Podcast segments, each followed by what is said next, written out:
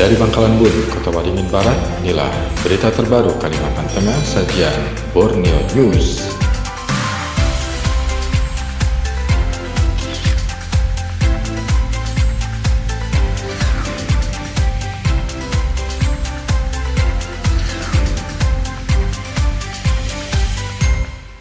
Pendengar, sepanjang tahun 2019 hingga menjelang tahun 2020, Polres Palangkaraya menemukan sebanyak 29 mayat yang tewas seorang diri.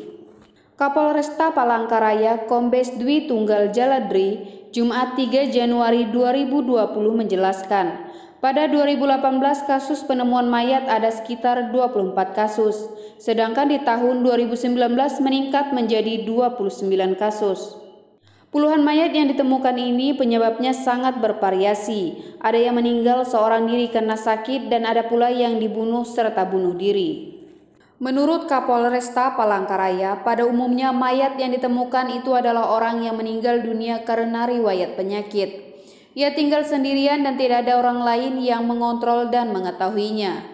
Dalam penanganan penemuan mayat, petugas kepolisian selalu berkoordinasi dengan sejumlah pihak terkait baik dari instansi pemerintah maupun para relawan.